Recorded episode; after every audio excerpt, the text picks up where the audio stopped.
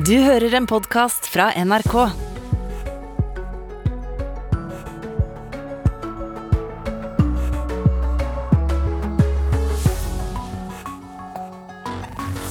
God morgen. Færre er smitta av korona, men antall sykehusinnleggelser øker. Er det bare stille før stormen, spør vi Camilla Stoltenberg. Og hvor godt rusta er sykehusene dersom koronainnlagte øker? Overlege ved akuttmedisinsk avdeling er med i Nyhetsmorgen. Dyrere rente og strøm gir mindre kjøpekraft for nordmenn, men vårens oppgjør kan gi deg en solid lønnsøkning. Ja, det er bare noen av sakene i Nyhetsmorgen eh, denne tirsdagen i romjula. Jeg heter Gry Veiby. Og Vi starter med korona. For eh, uketrenden for koronasmitte fortsetter å synke i Norge. Det siste døgnet er det registrert 3750 koronasmittede i landet, og det er 291 færre enn samme dag i forrige uke. Men samtidig som det er synkende smittetrend, øker antall innleggelser på sykehus. I går var det 328 koronapasienter innlagt på sykehus, 21 flere enn søndag, som også hadde en økning på 24 pasienter fra dagen før. Dermed har antall sykehusinnleggelser her i landet økt betydelig de siste dagene. I flere europeiske land har koronasmitten i det siste eksplodert, annet i Danmark, der smitten i går hadde steget til over 16 000 tilfeller på ett døgn. I tillegg kommer mørketallene. Omikron-varianten er nå den dominerende varianten i Danmark og utgjør omtrent 75% av smittetilfellene. Omikron er også den dominerende varianten i Oslo og Viken. Ifølge Folkehelseinstituttet utgjør den nå over halvparten av de undersøkte tilfellene, og andelen har doblet seg siden 22. desember. Samtidig har den registrerte smitten sunket de siste dagene, men helsedirektør Bjørn Gullvåg advarer om at det fort kan snu. Og Grunnen til det er at vi tror med sikkerhet at tiltakene virker godt på deltaviruset. Det har vi jo vært kjent med lenge. Men den nye omikron-varianten eh, den kjenner vi ikke så godt enda, og Derfor så vet vi ikke om de samme tiltakene har like god effekt. Flere studier tyder på at omikron gir betydelig lavere risiko for sykehusinnleggelse. Hvor lavt er fortsatt usikkert. Ifølge Gullvåg meldes det om 70% nedgang i Sør-Afrika, og tallene fra Edinburgh og Skottland viser kanskje en nedgang på to tredeler. Andre land rapporterer om mye lavere tall, ned til bare 30% reduksjon, ifølge helsedirektøren. Og reporter her, det var Kristine Næss Larsen og Camilla Stoltenberg, eh, direktør i Folkehelseinstituttet. God morgen. God morgen. Vi hører her at uh, antall uh, smittede synker så vidt, men flere som legges inn på sykehuset, bør vi være bekymra? Ja, vi legger større vekt på sykehusinnleggelsene enn på antall smittede. Og i en situasjon som vi er i nå, med romjul, veldig mange som tester seg hjemme, uh, så er vi usikre på de smittetallene, og det har vi vært lenge. Derfor er innleggelsen en viktigere indikator på hvordan utviklingen er, selv om de er betinget av det som har skjedd av smitte for kanskje 14 dager siden. Mm, men kan det være tegn på at omikron-varianten er mer utbredt nå? Det kan det være, men det kan også være økning i delta-varianten. Det er ikke så mange innleggelser så langt som er registrert med omikron. Men hvordan virker smitteverntiltakene så langt, hva vet vi om det? Det ser ut til at de virker godt, eh, men om de virker godt nok på omikron, det vet vi ikke ennå. Det er rett og slett for tidlig å si. Og det gjelder også andre land som er forsiktige med å trekke sånne slutninger foreløpig. Men det at mange tar hjemmetester, hvordan slår det ut for eh, tallene? Det slår ut for tallene på den måten at vi har dårlig oversikt, fordi vi har ikke nevneren. Eh, vi vet rett og slett ikke hvor mange av de som har testet seg, som er positive. Vi vet jo hvor mange av de som har testet seg i laboratorier som er positive, men vi kjenner ikke tallet for de som har testet seg hjemme og ikke er registrert. Men dersom man får en positiv eh, test, så burde man også gå på et laboratorium for å få det bekrefta? Sånn ja, og det regner vi med at de fleste gjør, men det gjør jo at det er ganske skjevt, det utvalget av personer som går og blir testet i et laboratorium, eller der testen går til laboratorium laboratoriet Mm. Vi ser at smitten øker raskt i andre land som Danmark, som vi ofte sammenligner oss med, Storbritannia, Frankrike og Italia. Kan det vi ser nå i Norge bare være liksom stille før stormen? Det kan det, og det må vi være forberedt på. Vi håper jo at vi tar feil der, at det ikke er det, og at tiltakene hjelper. Særlig har vi tro på at det hjelper å bli vaksinert. Så vi er veldig opptatt av at folk skal fortsette å la seg vaksinere, både med første, andre og ikke minst tredje dose nå. Mm, og Hvordan går det da med gjennomføringa av målet om at alle over 45 skal få tilbud om tredje vaksinebooster i midten av januar? Ja, det har gått langsommere nå i julen enn det vi hadde håpet på. Ja, Fordi det er høytid? Det vil vi tro, men vi vet ikke helt årsaken. Men det er jo sannsynlig. Eh, nå i romjula er det rikelig anledning til å bli vaksinert, så det er eh, en oppfordring til alle de som har, eh, er klare for det, å gjøre det. Og så skal smitteverntiltakene vurderes på nytt 14.1. Sånn som det ser ut nå, status nå, har du tro på at det vil bli lettelser i tiltakene? Nå vil jeg si at det er usikkert. Eh, vi vil være forberedt på å gjøre lettelser, og det bør vi jo gjøre så fort som mulig hvis det er grunnlag for det. Men vi må også være forberedt på at det ikke er grunnlag for det. Så men, men tatt i betraktning at sykehusinnleggelser øker, så så ser det ikke så lovende ut. Men vi har sett at disse tingene kan endre seg raskt. Så det er vaksinasjon og det er etterlevelse av tiltakene nå som vil være viktig. Men om det er tilstrekkelig, vet vi ikke. Mm. Om en ukes tid så starter skolebarna igjen. Er det, er det naturlig å koronateste dem før de starter? Ja, det er jo planen. Så tanken er at eh, skolebarn skal kunne koronatestes før de starter på skolen. Mm. Vi har også med oss eh, deg, Knut Erik Hovda. Du er overlege ved akuttmedisinsk avdeling på Ullevål sykehus, som er altså en del av eh, Oslo universitetssykehus. Hvordan er situasjonen på intensivavdelingene nå? Nei, vi har jo eh, stadig pasienter Vi føles jo stadig ikke glemt av populasjonen. Det er alltid folk innom. og det, det svinger litt fra et, et døgn til et annet. Eh, og det som er Forskjellen på disse pasientene og andre intensivpasienter, er at de blir jo værende mye lengre. Noen blir værende veldig lenge på intensiv. Selv etter at vi har avisolert dem, så må vi holde dem på intensiv og delvis på respirator. Vi har mer kapasitet å gå på hos oss. Jeg vet i en del eh, omkringliggende sykehus har de ikke det, hvorfor også vi må ta over noen av deres pasienter. Men det går jo utover eh, andre, andre, tjenester som eh, operasjonsaktivitet og sånt, for at, for at, vi skal kunne holde det gående. Da. Mm, ja, for Vi har hørt om operasjoner som, blitt, eh, som, er planlagt, men som har blitt utsatt. Men det at det er en koronapasient, hvor mye krever det eh, sammenlignet med andre pasienter?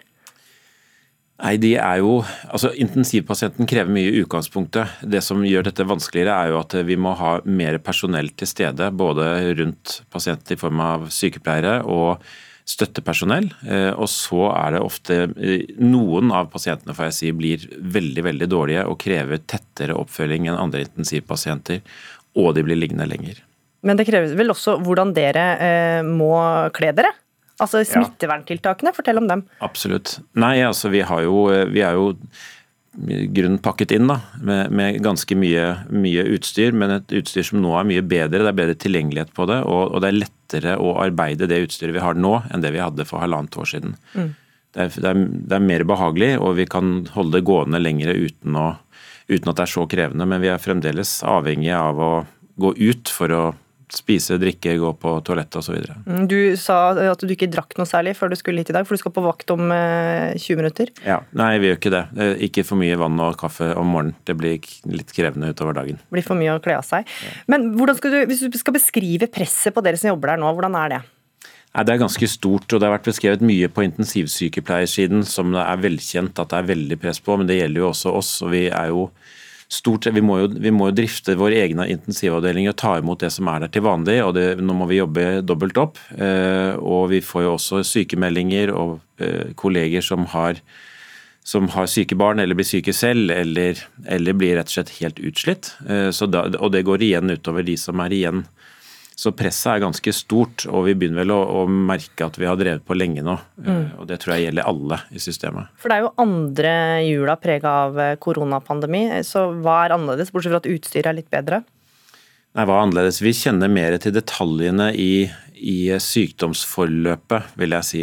Både, og det er jo ikke sånn at én koronapasient er lik den neste, men vi begynner å kjenne litt mer til hva vi må forvente, og hva er annerledes med disse pasientene enn andre det er helt annerledes. Det er også annerledes at eh, nå i forhold til starten så har vi mer vanlige pasienter inne. I starten så var det jo på en eller annen nesten merkelig vis tørket opp for vanlige pasienter. Det var ikke bare skader og annet, men det var veldig mye færre pasienter inne i begynnelsen av pandemien enn det det er nå. Nå er det mer vanlig drift på toppen.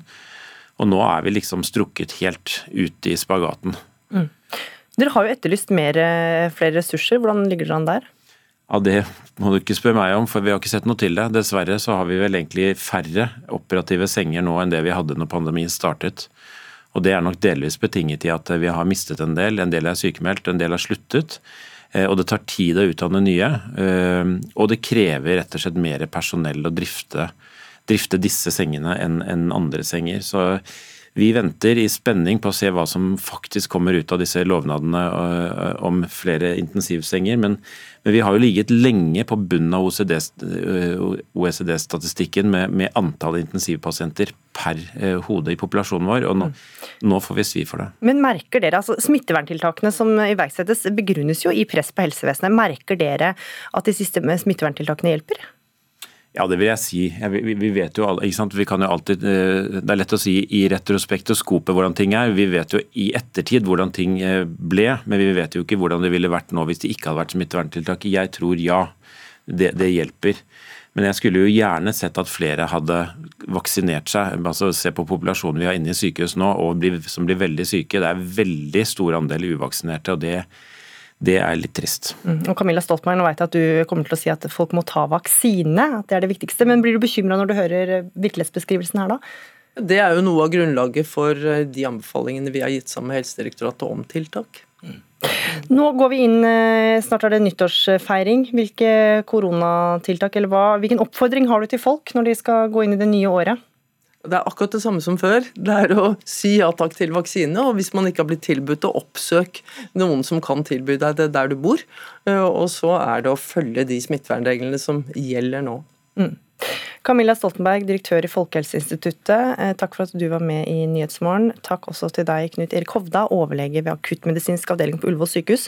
Og god vakt nå om et kvarter. Tusen takk.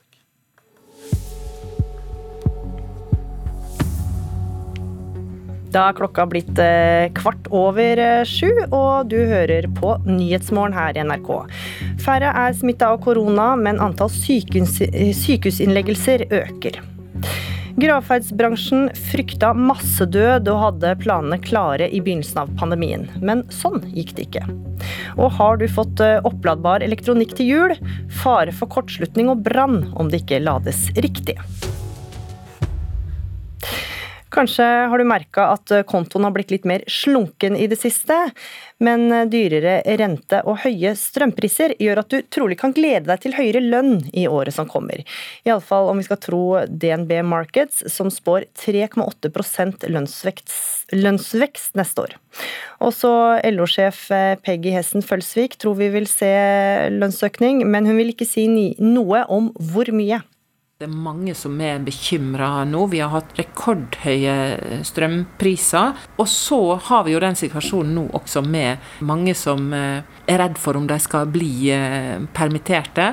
Det kom en renteheving. Bekymrede medlemmer og møter med regjeringen om kriseordninger må sjongleres i juleinnspurten av LO-sjef Peggy Hesten Følsvik. Fra åttende etasje på Jungstorget er det så vidt hun rekker å skrive ut julekortene for i år. Og snart må han også rette blikket mot lønnsoppgjøret til våren. Det var en som sa en gang at eh, vi forhandler oss ikke ut av fabrikkporten, og det syns jeg er et veldig godt bilde. Vi må passe på at vi har en lønnsutvikling som gjør at vi ikke blir utkonkurrert eh, av eh, andre land rundt oss. Hvis vi skal klare å holde den ansvarligheten, så må også våre medlemmer få sin del av de overskuddene som skapes ute i næringslivet. De fleste økonomer tror lønningene vil stige med minst 3% i året som kommer.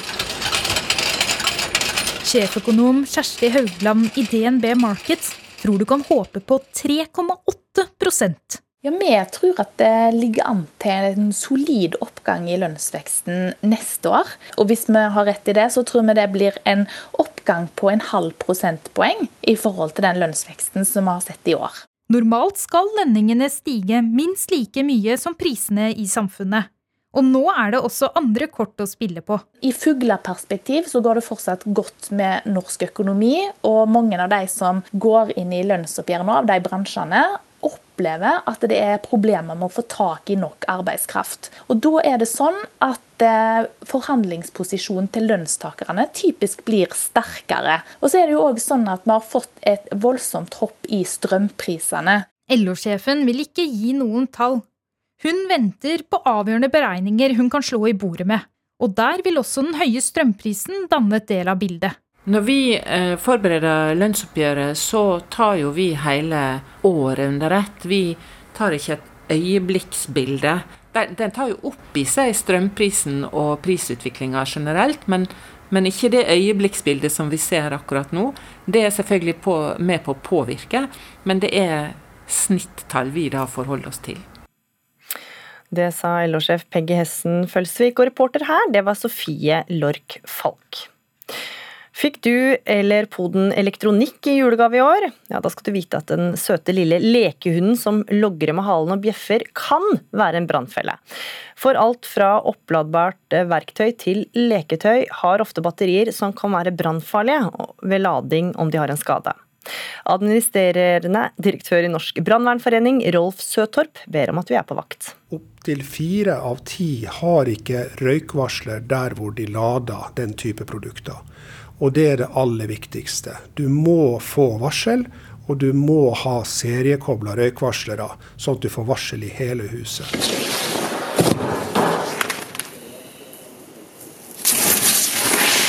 Et batteri til en elsykkel tar fyr. Gnistregn og eksplosjoner er måten oppladbare litium-ion-batterier brenner, og brannen blir ofte omfattende, sier Søtorp. Det er for at disse batteriene inneholder voldsomt mye energi. Og at de inneholder også stoffer som fører til at de nærmest er selvoppholdende, for du får en form for oksygenproduksjon, sånn at brannen forsterkes. Eh, du får en sånn, sånn eskalerende effekt internt i batteriet sjøl. Og det gjør at brannforløpet er veldig utfordrende å håndtere. Så å si all oppladbar elektronikk vi har hjemme i dag, har disse batteriene, som ikke er farlige i seg selv. Men konstruksjonen av energitette batterier gjør dem sårbare for skader som kan føre til kortslutning og brann. Skade oppstår oftest om batteriene er utsatt for slag, eller om f.eks. mobilen din går i gulvet. Mobilen kan se like hel ut, men batteriet kan ha blitt skadet. De ladbare produktene som oftest er utsatt for hardhendt behandling, er elsparkesykler, elsykler og selvbalanserende ståbrett, såkalte hoverboards. Folk skulle bare vite hvor stor brannkraft det kan være i et litium-ion-batteri som er i en elsparkesykkel. Det er rett og slett som et uh, lite fyrverkeri som uh, man har veldig liten kontroll på hvis batteriet først begynner å brenne. Det sier kommunikasjonssjef i If Forsikring, Sigmund Clements. Og har det først tatt fyr i julegaven, er det vanskelig å slukke brannen med vann eller pulverapparat. Små gjenstander, f.eks. en mobiltelefon, tidlig i en brannutvikling, kan du senke ned i et vannbad. Hvis elsparkesykkelen står i full fyr, så bør det ringe brannvesenet med en gang. Hvor vi lader batteriene er avgjørende for å hindre at en brann utvikler seg. Batterier til f.eks. elsykler og elsparkesykler bør ikke lades inne under pulten din på jobben, men lades på et underlag som ikke er brennbart hjemme, i et værelse med røykvarsler. Og ingenting skal lades om natten. I tillegg bør du sjekke hvem du kjøper ladbar elektronikk av, forklarer Bjørn Nyrud i Direktoratet for samfunnssikkerhet og beredskap. Når du skal kjøpe den type ting, så ønsker vi å tilråde vi å, å, kjøpe produkter fra norske bedrifter, og helst fra virksomheter som en har inntrykk av at er kvalitetsbevisst. Ehm, kjøper du på nettbutikker utenfor EU-EØS-området, så vil produktet etter all sannsynlighet ikke tilfredsstille sikkerhetskravene vi har i Norge. Nyttige råd der, altså. Til det anbefales å ha et eget spesialapparat for slukking av batterier, i tillegg til pulverapparatet vi skal ha i boligen vår. Du kan lese mer om dette på nettsidene våre på nrk.no. Reporter her var Tor Albert Frøsland. Da skal det handle om korona igjen, men ikke på hjemmebane. Flere europeiske land innfører strengere smitteverntiltak for å begrense tallet på sykehusinnleggelser. Og etter et krisemøte i går går den franske regjeringa for krav om koronapass for å komme inn på offentlige steder. Og i Tyskland var det demonstrasjoner i åtte byer mot strengere tiltak i går. Og reporter Dag Bredvei, la oss starte i Frankrike. Der blir det altså strengere tiltak etter at det ble registrert 100 000 smittede på ett døgn i julehelga. Ja, det stemmer. Det var første juledag. Og smittetallene i Frankrike viser altså de høyeste siden pandemien rammet oss for snart eh, to år siden. Og Det har ført til en vekker i regjeringen i Frankrike og hos president Emmanuel Macron. Det var et krisemøte i går. De ønsker da krav om koronapass for å komme inn på offentlige steder. Til nå har det vært nok å vise til en negativ test, men dette må først godkjennes i nasjonalforsamlingen og da blir satt ut i kraft da på nyåret. I tillegg så vil de oppfordre borgermesterne til å innføre da påbud om bruk av munnbind i deres byer. Og det skal også bli forbudt å spise og drikke på kollektivtransport og på kinoer osv. Så, videre. så det som skjedde første juledag, det er en skikkelig vekker for eh, franskmennene. Mm. Og dette kravet, Forslaget om krav om koronapass har gjort at fransk politi har oppdaga mange falske koronapass i Frankrike? Ja, 182 000 falske koronapass. Trolig er tallet mye høyere. Eh, fransk politi sier de har gjort eh, arrestasjoner. De har også avslørt at det er eh, helsepersonell som står bak. Det er profesjonelt utført. Sykepleiere, leger som har vært med å utstede disse falske koronapassene.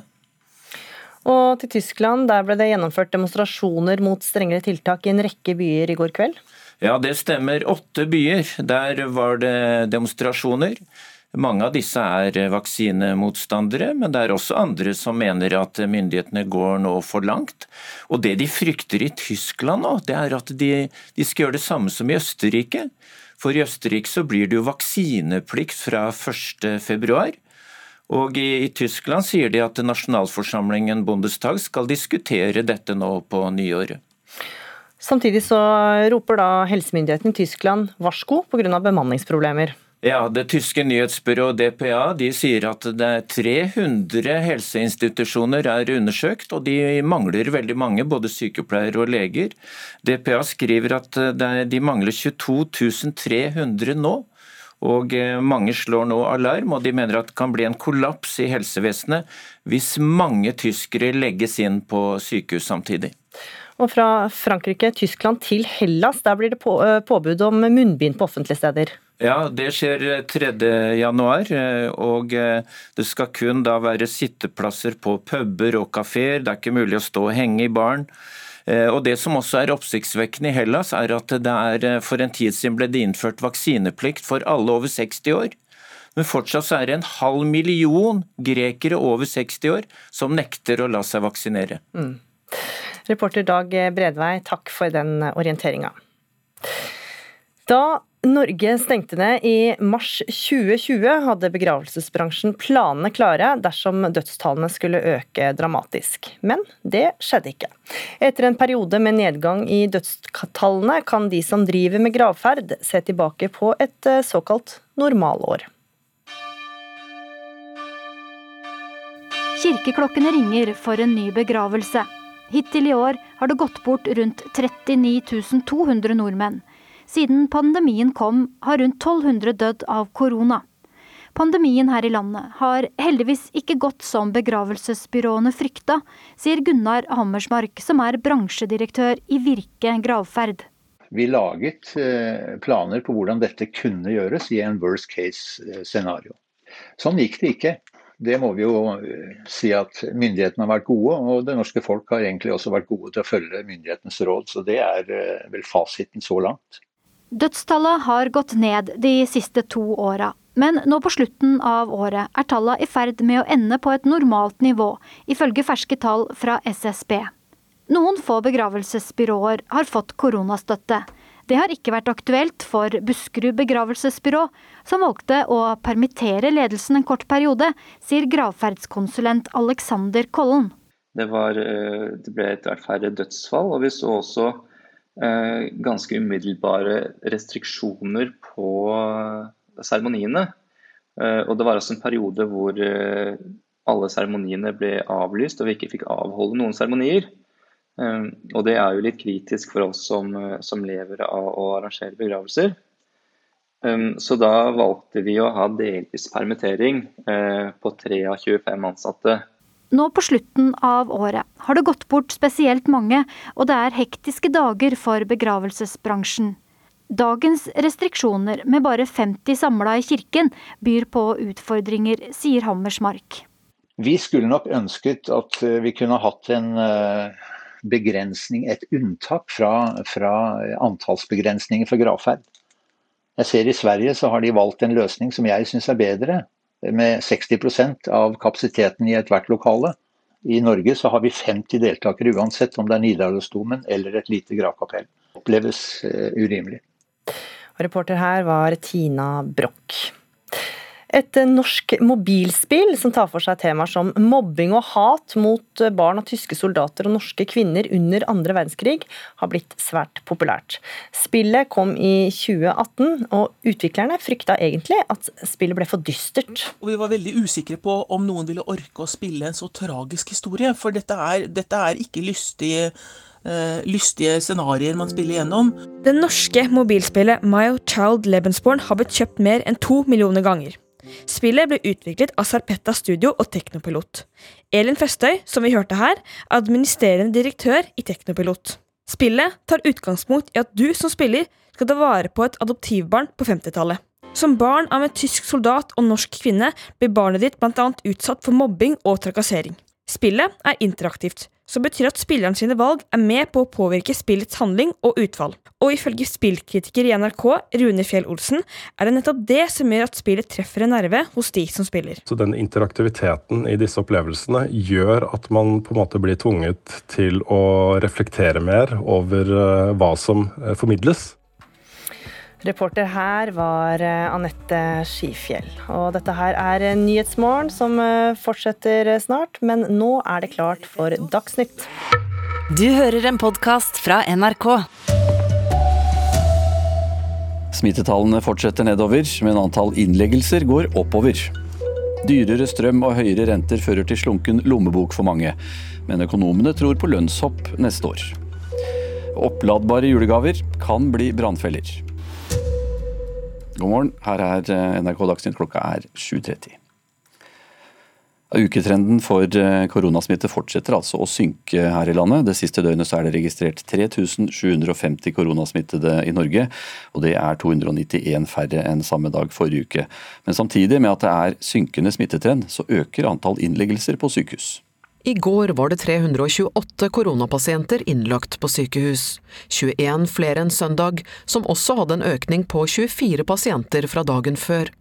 Dermed har antall sykehusinnleggelser her i landet økt betydelig de siste dagene. I flere europeiske land har koronasmitten i det siste eksplodert, annet i Danmark, der smitten i går hadde steget til over 16 000 tilfeller på ett døgn. I tillegg kommer mørketallene. Omikron-varianten er nå den dominerende varianten i Danmark og utgjør omtrent 75% av smittetilfellene. Omikron er også den dominerende varianten i Oslo og Viken. Flere studier tyder på at omikron gir betydelig lavere risiko for sykehusinnleggelse. Hvor lavt er fortsatt usikkert. Sa reporter Kristine Næss Larsen. Camilla Stoltenberg, direktør i eh, Folkehelseinstituttet FHI. Eh, smitten litt ned, eh, hører vi, men antall innleggelser går opp. og Hvor bekymret er dere? Vi er bekymret for økningen i antall innleggelser, og er litt utrygge på de smittetallene i den forstand at vi vet ikke hvor mye vi kan stole på dem. Det er ofte litt annen testatferd. Altså, folk tester seg ofte i mindre grad når det er fri, sånn som det er nå i julehelgen.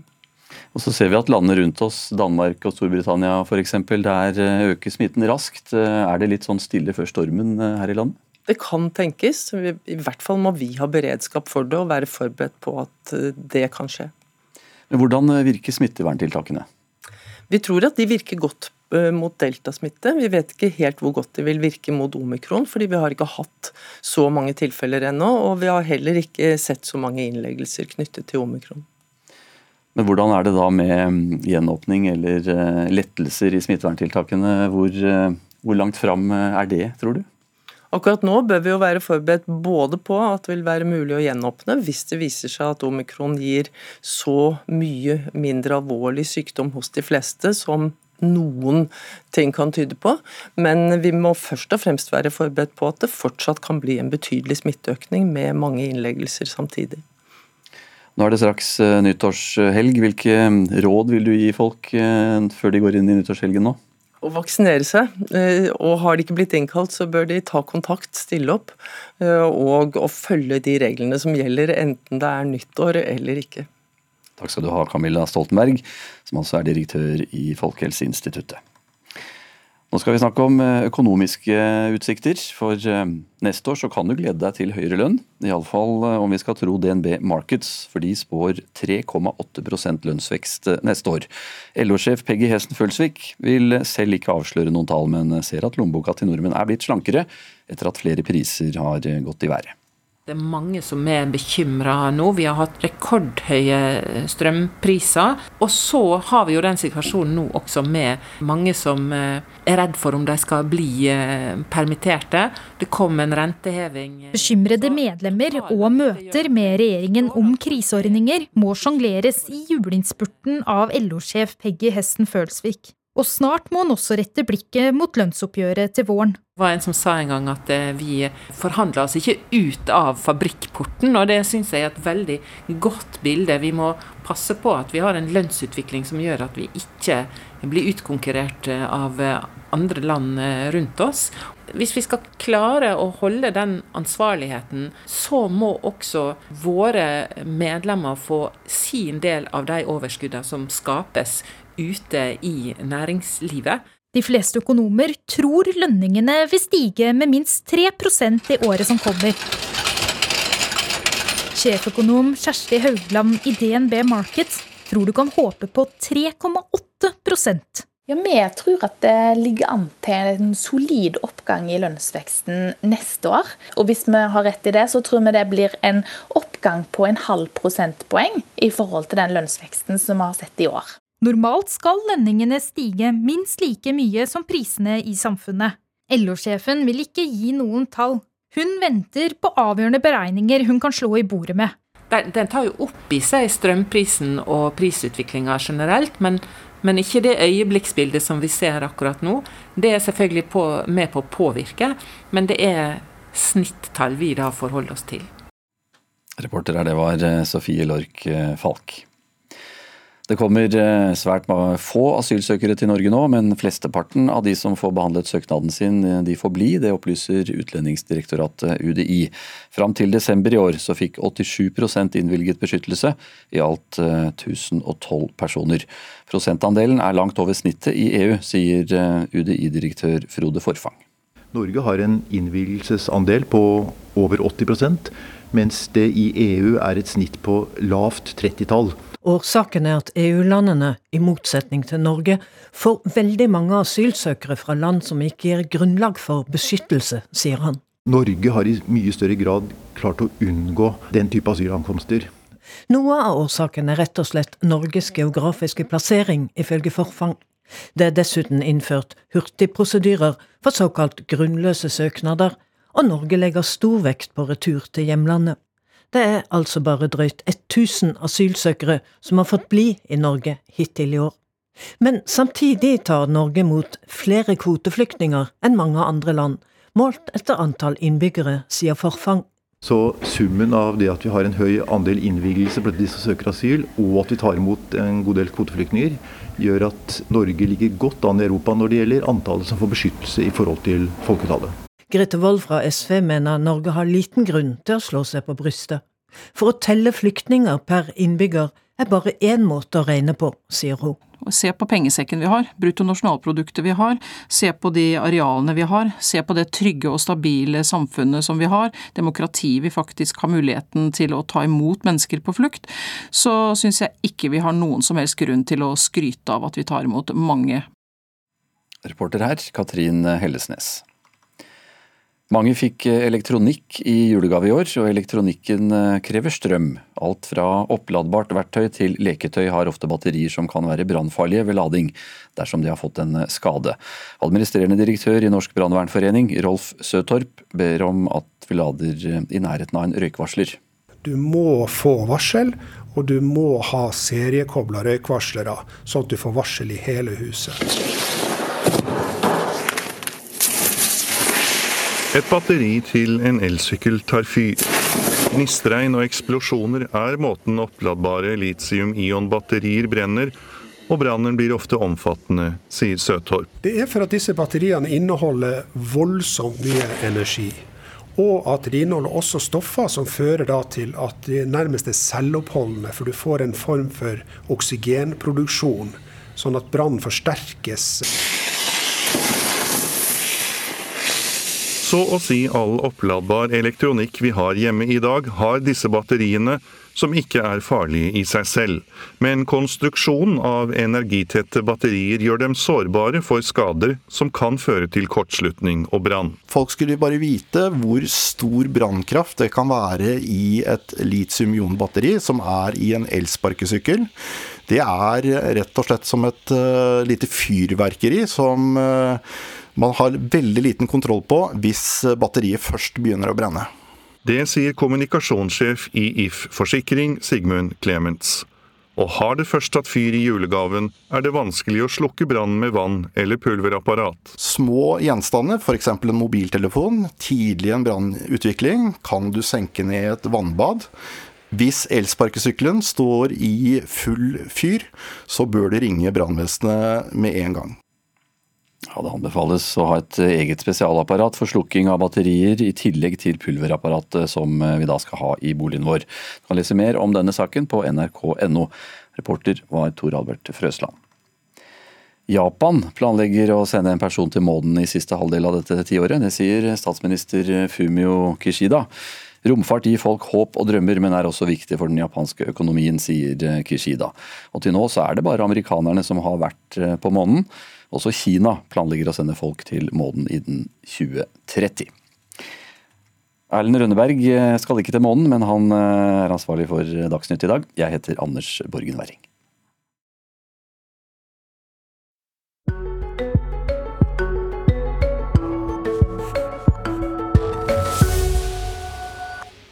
På tide med et forbud mot privat fyrverkeri. Det mener flere organisasjoner og fagpersoner. For det er som kjent ikke alle som er like begeistra for lyseksplosjonene. Hesten Astoria var så skremt av fyrverkeri at hun rømte flere kilometer og skada seg.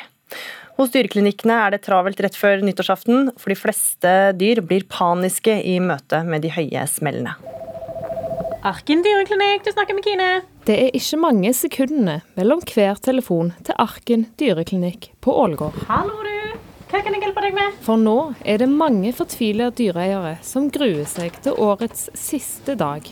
De tar kontakt i god tid før nyttår for å få hjelp til å få disse medisinene og andre råd eh, i forhold til å takle denne eh, redselen og frykten i forbindelse med, med fyrverkeri. Det sier Anne Sofie Stie, som er veterinær og daglig leder hos Arken dyreklinikk. For med plutselig lyd og lys skaper fyrverkeri stor redsel for dyra, forklarer Stie. Vi har jo hatt mange historier der eh, de har røkebåndet gjerne, eller sprunget ut i veien, blitt truffet av en bil, stukket av, vært vanskelig å finne, vanskelig å hanke inn igjen. Det er trist å se at det fyrverkeri som vi kan styre, det er med å forverre hverdagen for ganske mange pasienter. Da. Og det har Tove Skatsheim i Sandnes fått kjenne på. En sommerdag for fire år siden smalt det plutselig, noe som skremte hesten Astoria langt vekk. Min hest var en annen. De ble så redde at de har bare tatt fart i en retning, hoppet over et gjerde og løpt innover en skogsvei og ganske langt. Fire kilometer tror jeg de hadde kommet seg før de ble funnet i en hage. Og da var min hest ganske blodig og vond i beina og trengte dyrlege midt på natten. Det gikk heldigvis godt, men Skadsheim mener det hele lett kunne vært unngått. Det er så unødvendig med liksom de her par sekundene med litt blinkende lys på himmelen. Hadde de klart å holde seg til midnatt klokka tolv liksom, eller rundt da, så er vi forberedt. Flere dyreeiere NRK har snakka med, forteller om paniske dyr som både har blitt skada og dødd av møtet med fyrverkeri. Og nå ønsker over 40 organisasjoner, fagpersoner og ungdomsparti at regjeringa skal forby fyrverkeri i privat regi. Vi har sendt denne oppfordringen her eh, om eh, at vi skal regulere fyrverkeri bedre. Det sier Åshild Roaldseth, som er daglig leder i Dyrebeskyttelsen Norge, og en av de som står bak oppfordringa. Hun mener et forbud kan beskytte en uskyldig tredjepart. Så både for ville og tomme dyr og for miljøet vårt, og i tillegg så er det faktisk en del mennesker som blir alvorlig skadet. Forbrukerundersøkelser viser at rundt 85% av barnefamilier feirer årets siste dag med fyrverkeri. Så et forbud mot eh, privat fyrverkeri er i prinsippet et forbud mot familiene sin nyttårsfeiring. Det sier Rikard Spets i Norsk Fyrverkeriforening. Men han mener alle må holde seg til reguleringen om fyrverkeri kun mellom klokka 18 og 2 på nyttårsaften. Det vi må uh, slå ned på, det er, jo, det er, jo, dem som ikke klarer å forholde seg til de, de lovlige klokkeslettene. Og driver og fyrer opp fyrverkeri så snart det begynner å, å, å, komme til salg, og kanskje en god tid etterpå. Og gjør man det, så har man en trygg og fin nyttårsaften, både for familier og firbente. Reporter her var Marie Haaland. Klokka nærmer seg eh, kvart på åtte, og det er snart klart for Politisk kvarter. Men dette her er eh, Nyhetsmorgen, og hovedsaken i dag er at færre er smitta av korona, men antall sykehusinnleggelser øker. Og det er færre sykepleiere nå enn før pandemien på Ullevål sykehus. Overlege ved akuttmedisinsk avdeling beskriver stort press på jobb. Dyrere rente og strøm gir mindre kjøpekraft for nordmenn, men vårens oppgjør kan gi deg en solid lønnsøkning. Og etter klokka åtte skal du få høre at uh, om du har fått ny PC eller telefon til jul, eller annen elektronisk duppeditt du ikke helt skjønner hvordan fungerer. Over en halv million eh, mennesker i Norge er kanskje da som deg og ikke digitale. På tide med digital hjemmehjelp, spør vi. Men først altså Politisk kvarter, der eh, Bjørn Myklebust eh, styrer skuta. Og i dag skal det handle om meningsmålingsdemokratiet.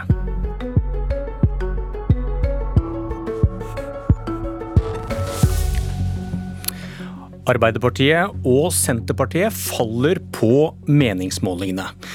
Vil det påvirke politikken deres? Hvor stor makt har meningsmålinger?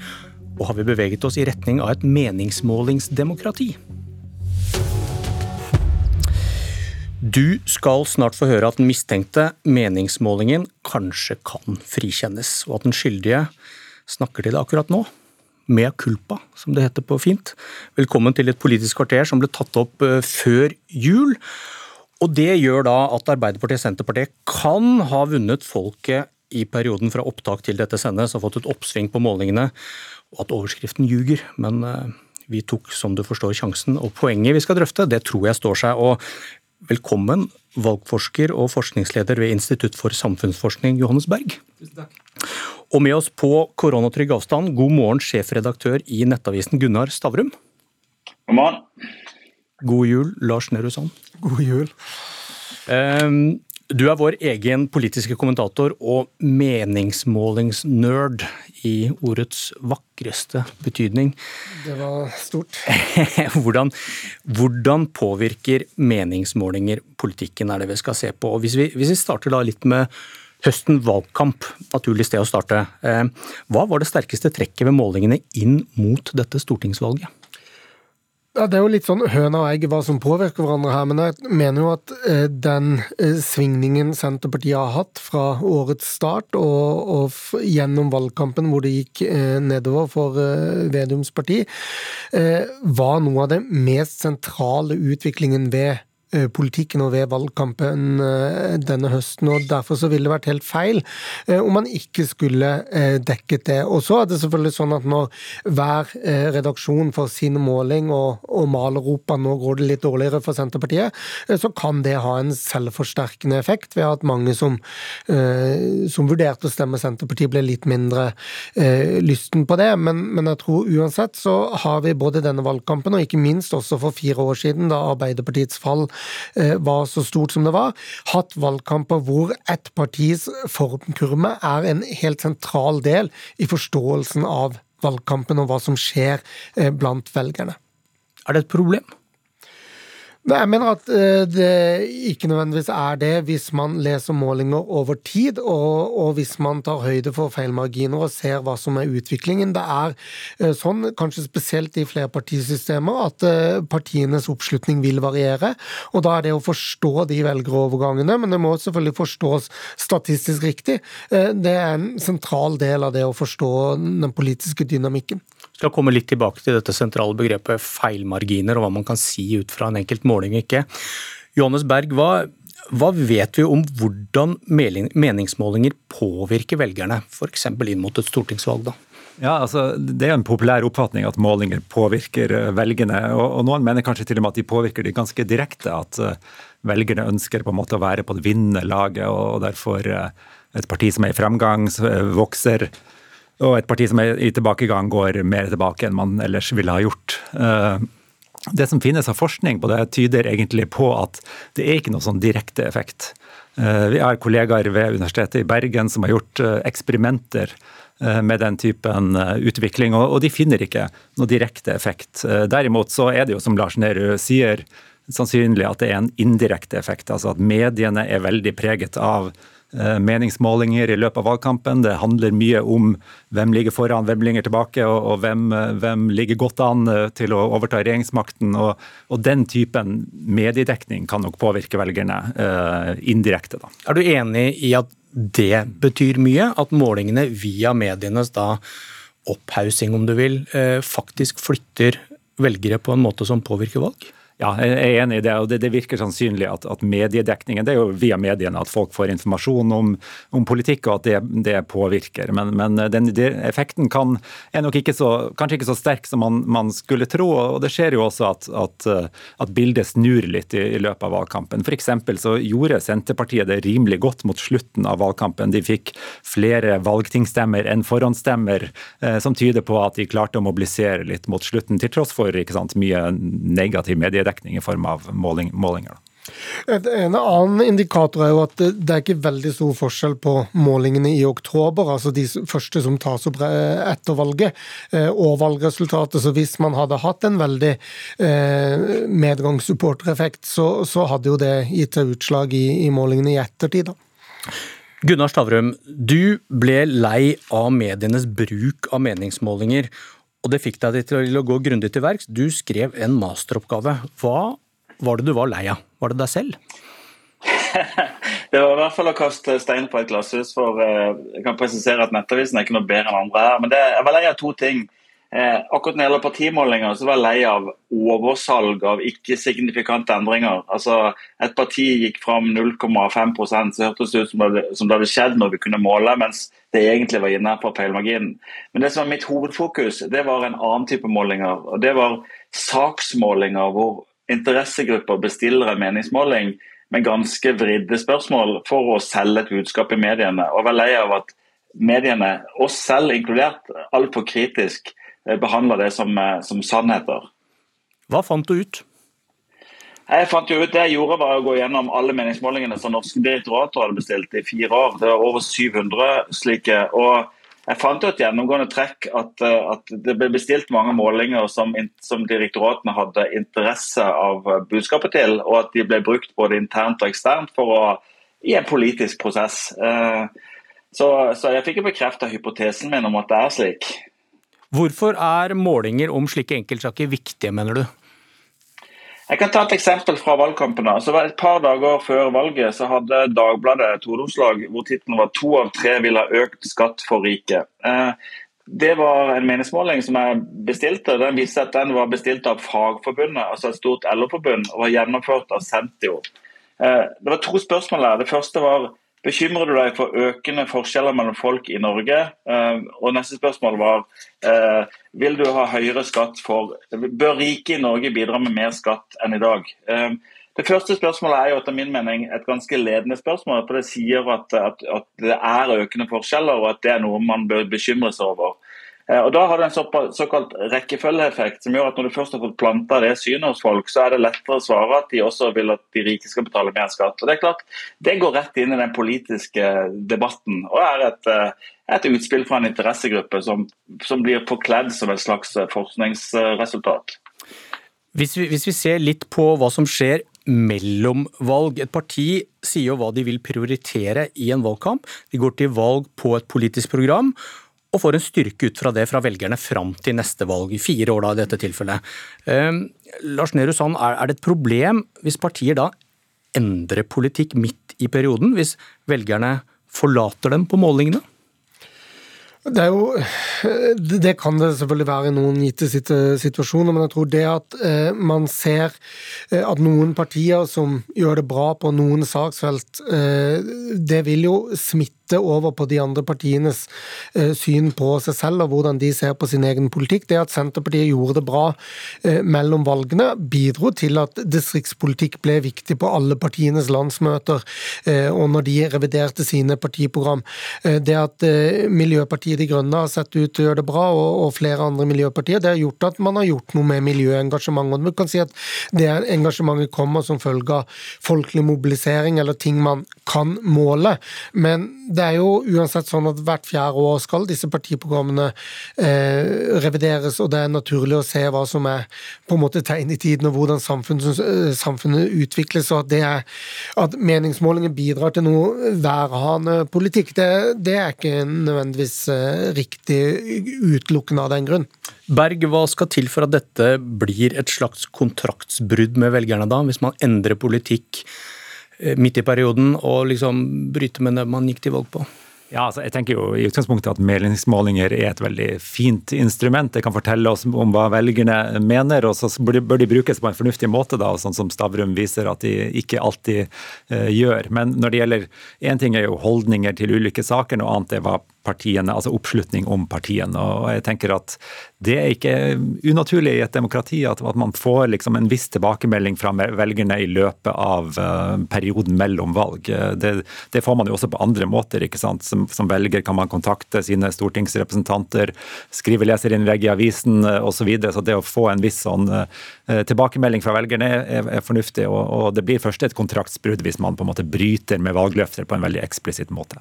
Stavrum, det var Lars eh, Nehru var inne på det her med distriktspolitikkens vekst og Senterpartiets vekst på målingene. Kan f.eks.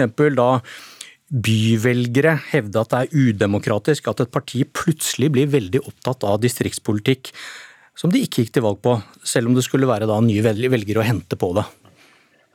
Ja, det kan det. Eh, nå er jeg også tilbøyelig til å være enig med Johannes Berg og også Lars Njølsand i at, at meningsmålinger i seg selv er jo et gode. Altså Gjort riktig så er det jo greit å kartlegge hva folk, eh, folk flest mener. og det er jo også sånn at Partiprogrammene ikke alltid er så veldig tydelige på mange saker. sånn at det, sånn at det kan også være en positiv ting på demokratiet.